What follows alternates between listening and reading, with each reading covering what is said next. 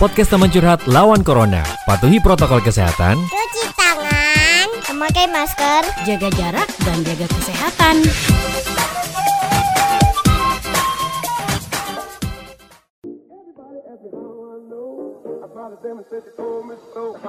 Everybody ask me how I know. I smiled at them and said she told me so. Everybody ask me how I know.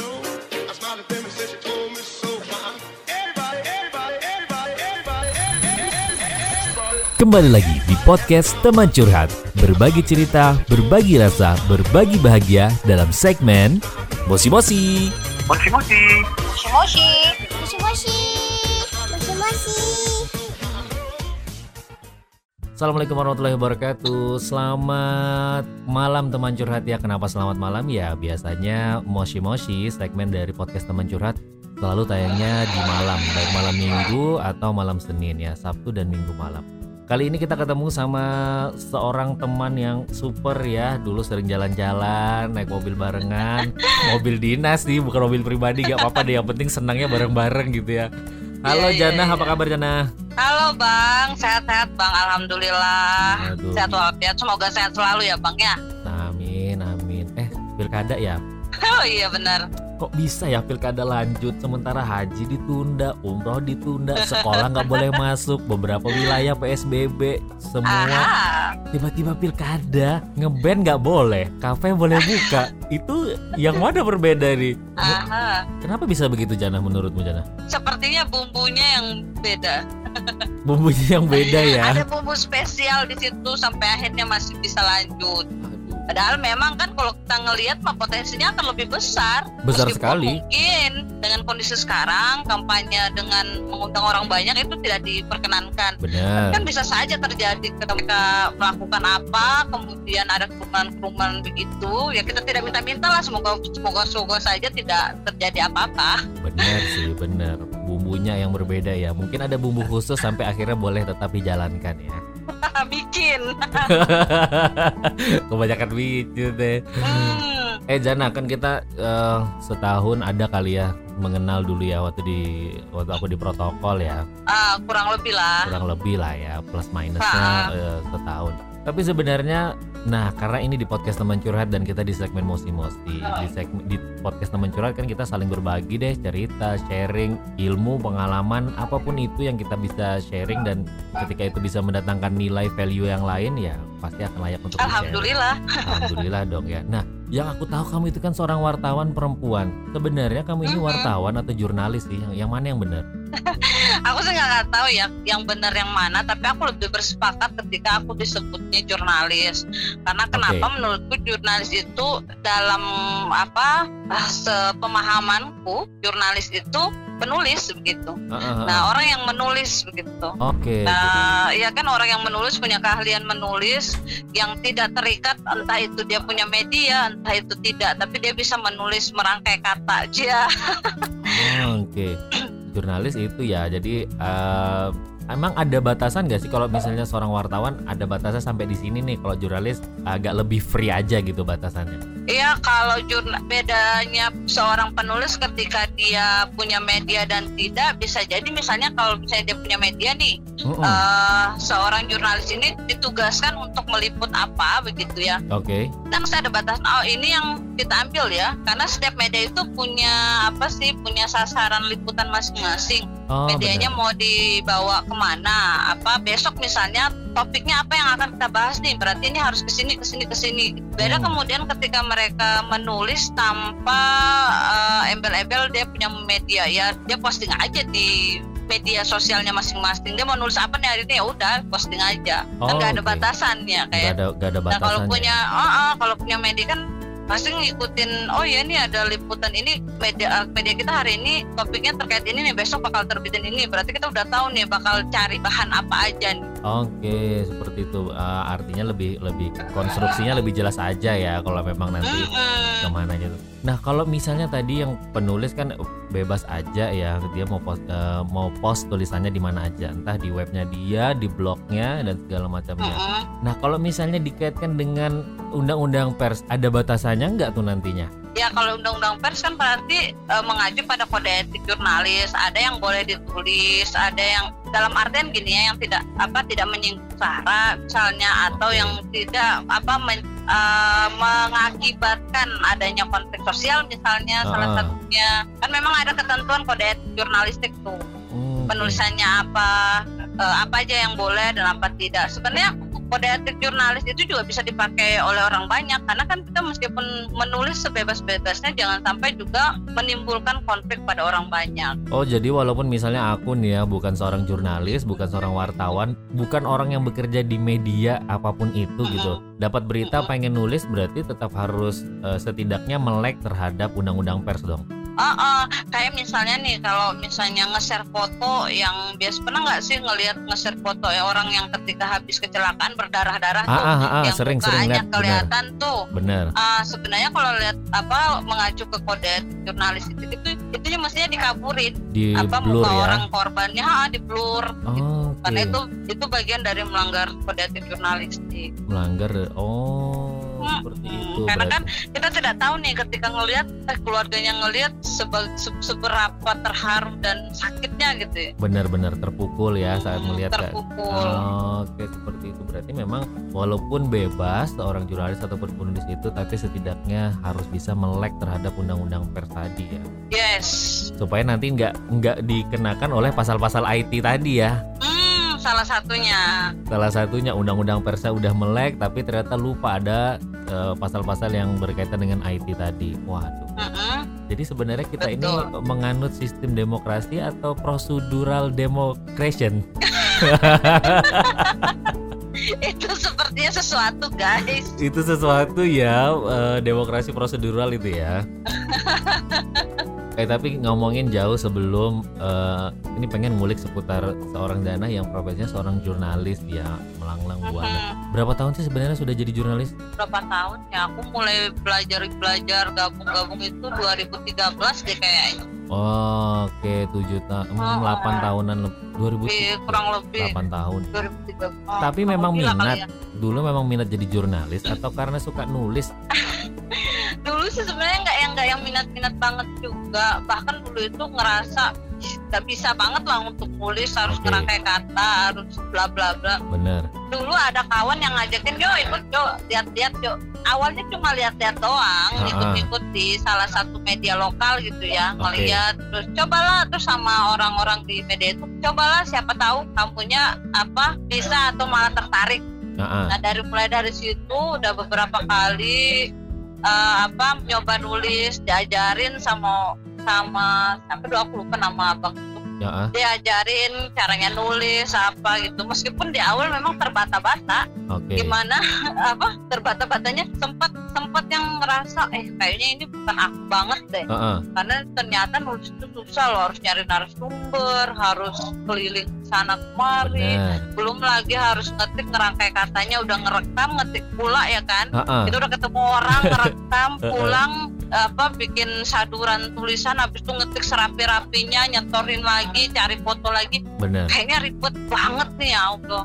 Saya sempet nangis-nangis loh dulu. Ih, sampai nangis-nangis? Di awal-awal iya serius. Di awal-awal itu ada apa senior saya itu yang ngajarin nulis itu sampai nangis-nangis. Dikatain gini apa ini ini tulisanmu buat apa? Buat eh, bungkus gorengan? Eh bungkus kacang gitu ya. Sadis. Ya, serius. Aku ya ampun aku ngerasa nggak salah dong ya. Ah, ah. perasaan aku nggak ada yang salah ini salahnya di mana? Benar. apanya itu nggak juga dikasih tahu.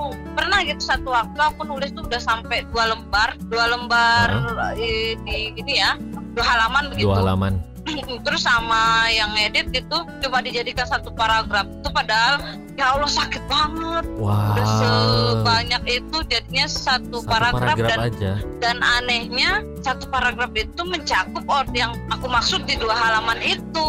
Nah Gila. dari situ aku kemudian dari situ aku kemudian mau belajar eh, kok bisa sih sebenarnya? Yang aku maksud itu sama dengan satu paragraf ini. Sementara aku tadi bertele-tele menjelaskan bla bla bla Uh-uh. sampai dua halaman ternyata cuma segitu udah bisa menjelaskan keseluruhan gitu. Wah dari, dari situ aku mulai belajar tuh. Ternyata nih harus ada triknya nih harus kayak gini nih harus nah diajarin lah. Kamu harus banyak baca harus banyak referensi biar tahu kata penghubung itu apa dari mana Oh, memulainya. benar. ada yang namanya lead berita gitu kan. Oh judul berita. Jadi ya mulai dari situ lah. Eh ternyata sampai hari ini masih bergelut di dunia yang sama. Ini profesi profesi pertama atau sebelumnya terjun di mana Jana? sebelumnya enggak. Ini perdana deh sebelumnya aku tuh mahasiswa yang kemudian ikut beberapa kali ya. Mahasiswa lah ya. Ah, ikut ah. ikut kegiatan-kegiatan kemahasiswaan aja lah. Waktu aku masuk itu aku ingat kali pas KKKN kuliah pas KKN Heeh. habis itu ikut masuk-masuk jadi waktu di awal-awal di jurnalis itu juga mulai nyusun skripsi Oh, sudah dekat akhir ya semester-semester Ah, akhir ya mulai gabung. Ya. iya Profesi pertama Sebenarnya dan kecebur sampai Mm-mm. sekarang nih ya. kecebur Kecebur sampai sekarang. Berarti sebenarnya ketika kita nonton teman-teman eh, wartawan yang lagi nunggu di gedung KPK, di gedung-gedung DPR dan segala macamnya, itu tuh belum selesai ya beritanya. Itu baru direkam saja. belum ya baru ngasih pertanyaan nanti kembali ke kantor Mm-mm. baru diedit ulang semuanya diolah diolah lagi iya kelihatannya sih gampang ya tapi sebenarnya memang gampang-gampang susah lah ya. Kalau belum kalau pas lagi kita moodnya bagus nih Ah, kalau ah. moodnya bagus kalau sekarang ya kalau moodnya bagus kita nulis itu bentar aja selesai. Tapi kadang ada satu waktu yang ah moodnya nggak bagus banget. Karena kan kalau nulis itu perlu mood yang bagus untuk Bener. bisa ngelancarin ngerangkai katanya. Benar benar kalau benar. pas lagi nggak bagus ah udah buyar ke mana-kemana berarti dalam bahasa penulisan itu juga ada bahasa-bahasa jurnalistik ya? Kalau ibaratnya foto Ya. itu kan ada foto yang landscape ada foto-foto Ya. memang foto khusus jurnalistik yang ketika itu difoto orang hanya cukup melihat foto itu sudah paham maksudnya gitu ya? Ya begitu juga dengan tulisan. Iya, karena kadang juga ada apa kalimat-kalimat atau kata itu yang mesti disesuaikan dengan KBBI. oke sampai harus dengan Ah. KBBI ya disesuaikannya Iyo, karena kan kok beda tuh kalau misalnya kita nulis status di medsos ya, ah ah, kita kan pakai bahasa sehari-hari ya. benar benar Nah, sementara ketika kita nulis di media yang harus diterbitkan baik itu online ataupun apa media cetak, cetak ah, ah. itu kita berusaha untuk supaya bahasa itu orang bisa ngerti. Itu pertama. Oke. Kedua, bagaimana caranya tulisan itu kita menyampaikan informasi ke orang dan orang itu harus paham yang yang kita sampaikan begini. Jangan Ah. sampai miskomunikasi kalau bahasa sekarang apa sih misinformasi. misinformasi benar. Oke, Iya seperti kan? itu benar-benar sih. Bagaimana kita menya- apa menyampaikan informasi yang kita dapat ini ke orang banyak itu dengan tulisan yang kita apa sajikan. Oke, berarti nggak asal-asal ya. Iyo. Dan bagaimana caranya tulisannya nggak usah panjang tapi maksudnya sampai gitu dok. Ah, betul. PR ya, benar. PR dong. Karena kalau di media ya, kalau di media itu dari wartawan tuh, dari Hmm, jurnalis, dari dari jurnalis. jurnalis itu nanti ada yang namanya redaktur, Oke, bahkan ada yang namanya editor. Editor. itu yang ngedit kata-katanya benar nggak sudah nih apa, kemudian Uh-uh. yang redaktur, redaktur itu meng, apa ngedit secara keseluruhan maksud berita apa Oke. gitu kan ya. sebelum Setelah diterbitkan, itu, sebelum diterbitkan itu, oke, setelah itu baru kalau sudah selesai itu baru masuk ke layout namanya. Layout. Kalau dia di media cetak itu kan di layout ya, ah, ah, benar. desain sedemikian rupa, bla bla bla. Ah, ah. Dari layout itu nanti ada yang namanya penanggung jawab halaman. Dia yang kemudian ngecek oh ini benarkah sudah apanya bla bla bla bla. Oke, Habis itu baru ke percetakan. Di percetakan bakal cek kembali sebelum benar-benar terbit. Wow panjang ya prosesnya dari yang Panjang. wartawan tadi mungkin ngantri di gedung mana pejabat siapa yang ingin Iya. diwawancara kembali ke kantor disadur ulang masuk ke editor editor ke redaktur ya Iyo. nanti ke layout dan- Mm-mm, dan itu juga kan apa ada yang namanya deadline. Oke Setiap media itu beda-beda deadline-nya. Karena misalnya apa siang siang itu kita harus ngelisting namanya, ngelisting Oh. berita apa yang kita dapat. oke Iya, m- apa listing ke grupnya kantor misalkan sekarang ada WhatsApp ya. Ah, ah.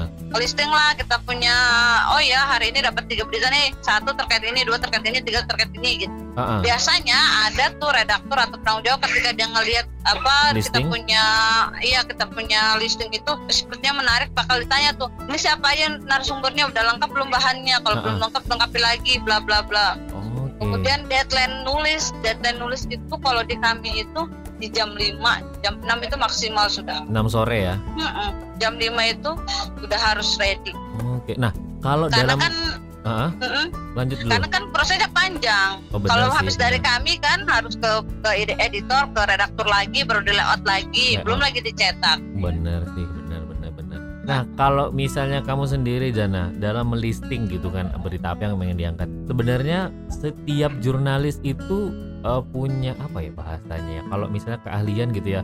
Aku ahliannya di matematika, aku di IPA, aku di IPS gitu. Nah, kalau misalnya jurnalis itu khusus nggak misalnya eh, Jana Oh, politik iya, iya. aja, yang satunya mungkin Ada yang tentang namanya job desk. Oke. Heeh. Job desk itu eh, kayak sekarang nih kami itu ada yang namanya wartawan ekono- ekonomi, ada wartawan Ah, politik, Sudah dipetakan ada ya. Mm-mm. dan pun kalau misalnya ada isu isu apa yang mau diangkat biasanya dibagi-bagi tuh oh ya eh, apa Jana di Pemkap nih wawancarain bupati ya terkait ini nanti Oke. yang di provinsi ini ya nanti terkait ini nih biar nanti sinkron dengan ini Oke, jadi walaupun itu isunya sama tapi mungkin beda narasumber nanti ya. Mm-mm. Tapi Dan harus bisa terkait semuanya nantinya. Mm-mm. Oke, seperti itu. Nah, kalau kamu sendiri lebih banyak beritanya apa? Politik kah, ekonomi kah? Hmm, karena kebetulan seringnya di Pemkap itu lebih banyak berita pemerintahan. Ya, pemerintahan. Tapi memang karena kebetulan aku juga saat ini Heeh. apa fokus di beberapa isu lingkungan dan perempuan gitu ya, Oke. gender. nah, aku beberapa kali juga nulis terkait lingkungan dan perempuan. Oke, sampai seperti itu ya. Iya. Itu nggak capek sudah yang dari mediamu sendiri. Terus ada juga ikut aktif sekarang mengangkat isu lingkungan, isu wanita. Wow. Ya, kalau diikutin capek ya capek, tapi kan Capek, sebenarnya aku ikut mengikuti apa mengawal isu ini juga kemudian kalau aku tulis kan untuk media juga ya. Maksudnya Benar. di media aku juga aku storin ke media ya kalau misalnya di sama sama media diterima usulan tulisanku alhamdulillah gitu ya diterbitin gitu. Diterbitkan ya. Mm-mm. Ya, menurutku menarik lah dengan isu-isu lingkungan dan perempuan hari ini sampai hari ini. Kayaknya nggak pernah nggak menarik ya kalau soal lingkungan dan eh, wanita gitu ya Perempuan. perempuan itu. Heeh. Tapi sebelum ke sana nih ya, sebagai seorang jurnalis sampai dengan akhirnya tahun 2020 ini ya mengawali kan eh, benar-benar mengawali di akhir semester perkuliahan gitu. Ya. Eh, ada nggak sih tantangan sebagai jurnalis perempuan gitu Jana misalnya entah ada stigma-stigma di masyarakat atau perspektif-perspektif masyarakat yang kadang sering mendiskreditkan seorang jurnalis perempuan dibanding jurnalis laki-laki. Gak pernah lah dulu gitu yang sering Ah. sering apa sering banget ketika apa liputan malam Oke. Ketika liputan. Kalau dulu kan di awal-awal itu yang kita masih magang yang mengharuskan jam berapapun ready. Karena kan kalau profesi Oh. sebagai jurnalis itu kan kerjanya 24 jam ya? Bener, 24 jam yang yang fleksibel. nggak ada. Ah, ah, fleksibel banget kan? Nah Pak, dulu itu juga sering ketika balik malam ya ada saja lah yang ngomong. Kadang juga keluarga yang ngomongin ngerjain apaan sih? Pulangnya malam-malam mulu. Oh. emang apa yang dikejar? Tapi alhamdulillah apa perjalanan waktu kita membuktikan kalau sebenarnya kita apa ini profesi yang yang baik-baik saja bukan yang menyimpang gitu kan ya. Ah, benar benar benar. Iya, dan akhirnya kan alhamdulillah keluarga akhirnya meng- mengerti lah dengan profesi itu dan sampai akhirnya aku baik-baik aja gitu. Ya kalau dibilang apa sih sering kali merasa minder pernah pernah lah ngerasa minder. Pasti pernah Kalau dulu, orang. mm-mm, kalau dulu masih mending mas di awal masuk itu aku memang kalau di khususnya di Tanjung Selor ya Ah, ah. cuma sendiri perempuan. Oke. Kemudian beberapa tahun kemudian ada beberapa perempuan yang juga masuk di dunia jurnalis. Jurnalis. Tapi akhirnya pada hengkang, Nggak pada tahan. hengkang. Ada yang karena melanjutkan pendidikan, Oh, ada oke. yang kemudian beralih profesi karena mungkin bukan merasa dunianya kali ya. Dan hari ini kembali Sendiri kembali lagi. sendiri menurut Heeh. jadi kan itu pas apa sering kali karena banyak kawan-kawan yang laki gitu ya dan kita gabung dengan dengan mereka ya dianggap dinilai aneh bisa jadi karena kan kawanku rata-rata laki-laki ya Bener pas bener. liputan bareng gitu ini cewek sendiri ya ya dong apa paling cantik nih gitu aja ya lagian kalau misalnya mau dibanding-bandingkan loh aku juga bisa kok seperti mereka apa apa yang beda hari ini Benar benar. Kan sama-sama nyari beritanya, sama-sama akan menulis juga. oh Nggak ada yang berbeda, bener sih. kan sama-sama juga. Nggak ada yang nyimpang. Nggak apa salahnya coba? Nggak ada larangan juga. Nah, kalau hal gila yang pernah kamu temui ketika ingin mewawancarai entah itu pejabat kah, dari pihak swasta kah atau siapa pun itu, apa hal gila yang pernah kamu temui? Eh, hal gila gimana ya maksudnya? Kan ada nih eh, bahasanya gimana ya nyebutnya itu eh oh ini kali ya ada apa misalnya ada janganlah kamu naikin ini ada bla bla begitu kali ya eh, ya boleh nanti aku transfer deh sekian. Ah, gitu-gitu tuh. pernah dulu apa eh, meskipun nggak gamblang nggak gamblang disebutin kamu mau berapa gitu ya Ah, ah, eksplisit. tapi ya. adalah intrik-intriknya yang gampang nanti apa juga kan Oh, pernah lah oke. dulu, dulu gitu tapi sih ya karena kita profesi ya dan dan menjaga integritas ya. emang jaga integritas ya biasa aja maksudnya nggak nggak usah yang horor banget gitu ya. Tapi sering sering mendapatkan tawaran seperti itu Jana. Misalnya eh beritanya diganti dong jangan yang itulah terlalu anu lah demi jag- nama baik bos gue jangan digituin deh ntar oh keamanan gitu. Pernah sampai pernah. sampai sekarang masih sering nggak seperti itu menemui? Hmm, mungkin jarangnya karena Jarang. mungkin mereka udah tahu karakter aku ya kali ya. Maksudnya karakter misalnya aku nggak mungkin lah kalau ada Jana mau. Tapi sebenarnya kalau misalnya itu halnya yang benar apa sih? Meskipun hari ini orang masih beranggapan bad news it good, apa eh, it good, good news jadi berita jelek itu jadi makanan orang untuk menja- dijadikan sebuah berita. Ah, ah. tapi kan bukan itu jadi patokan untuk orang kemudian menjas kalau misalnya oh janganlah sama dia nanti beritanya jadi jelek terus benar benar. Tapi sebenarnya ada saja. Kadang pejabat atau bawahannya usah naikin itu ya nanti, nanti aja tuh tahan aja dulu. Aku sih sebenarnya lebih baik orang itu menyampaikan secara lugas jangannya disampaikan ini tanpa ada embel-embel nanti dikasih nanti dikasih. Ah, karena kalau sampai ada bahasa kayak gitu biasanya aku lebih ekstrim. Bisa ter- bisa diterbitin itu. Malah lebih ekstrim ya? Ya menurutku kan ih apaan sih kayak gitu? Sama aja kayak gitu direndahin gitu. Karena nanti bakal bakal dipegang terus terus oh gampang lah sejalan aja tuh nanti kasihnya aja. Kan nggak mau juga kita dikasih gitu. Oke. Tapi pernah nggak satu waktu gitu eh, sumber beritamu itu eh, mengatakan ini nggak usah diterbitin deh gitu. Nggak enak Hmm. gitu. Tapi menurut kamu ini layak untuk diterbitkan gitu? Dan pernah. akhirnya kamu terbitkan Pernah. saja gitu? Pernah. Pernah? Pernah mm-mm. Oke. pernah aku lupa sih di awal-awal itu. Itu apa? Ke politik kah isunya? Lingkungan kah Hmm, isunya? politik kayaknya.